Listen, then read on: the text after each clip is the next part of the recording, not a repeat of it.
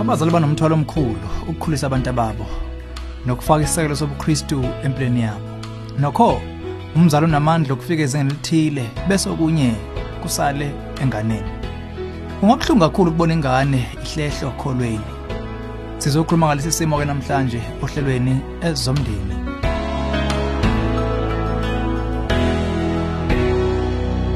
Phinde ngubingelele ezomndeni uhlelo ukulethela izeluleko eziphathekayo ngaba ka focus on the family. Uma ubhele nesikhathi esinzima ngondodana wakhe usibuze lo mbuzo. Yikuphi esingakwenza ukukhuthaza indodana wethu omdala kuba akhule manje? Wenza izinqumo ezibi empilweni, umsebenzi, indawo yokuphila nangabangani. Emva kokumkhulisa ngobuKristu, siphoxekile kakhulu. Khona manjalo asikwazi ukuyixolela ngomuzwa wecala ukuthi sehluleka kuphi. Kukhona esingakwenza ukubuyela emuva ngaphandle kokugcoba imingcele efanele. Okokuqala, lahla leyo mizwa yokuzizwa unecala. Akekho owenza konke ukuthi nca. Wonke umzali uyaba nengcaphephe. Kungenzeka wenza amaphutha nokuphunduleka kodwa lokho akwenzi indodana wakho abe yilokhu ayikho. Uyilokho ayikho ngokuyikhethela yena hayi ngokwehluleka kwakho. Ngakho ungayilahli ngecala nomthwalo ngeinqoma zenzela yena zona ekhula.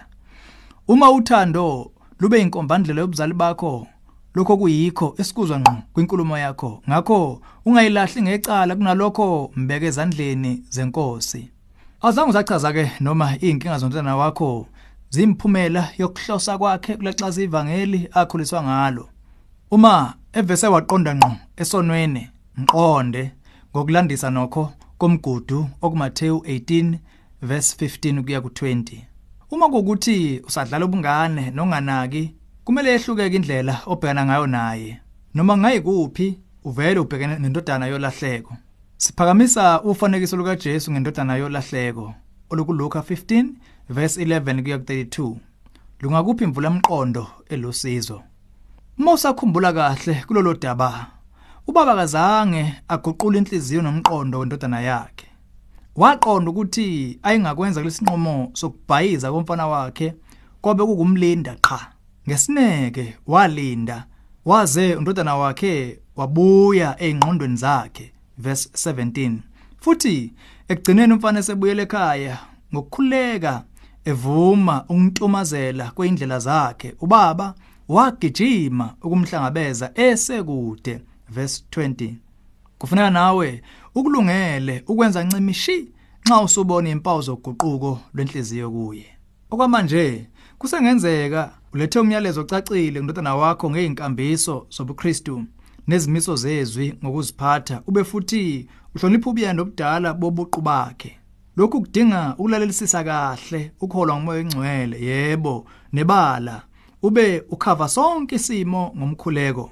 Ngamanye amazwi kuchaza ukubeka iso emathubeni ezimo la ethambele khona ukufundiseka.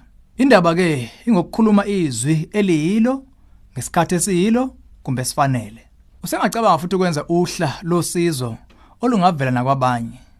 Ukhona yini omaziyo ongafika empilweni yomfana wakho akhuluma iqiniso likaNkuluNkulu ngenhlakanipho?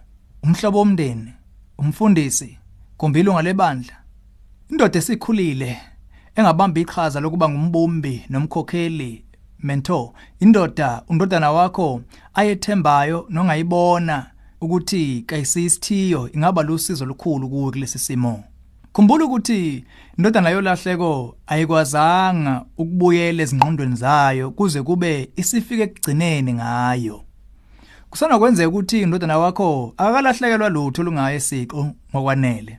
Kanjalo nokuphoxeka ongenzeka akulungele ukulayela omunye umuntu.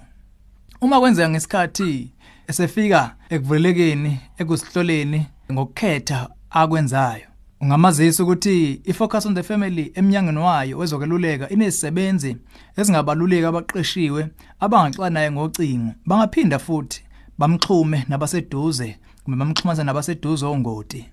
Ucingo luthi nje 031 716 3300 okwamanje khumbula ukuthi kunomuza wempela ukuthi unqomene nempi yokomoya ngokujulile.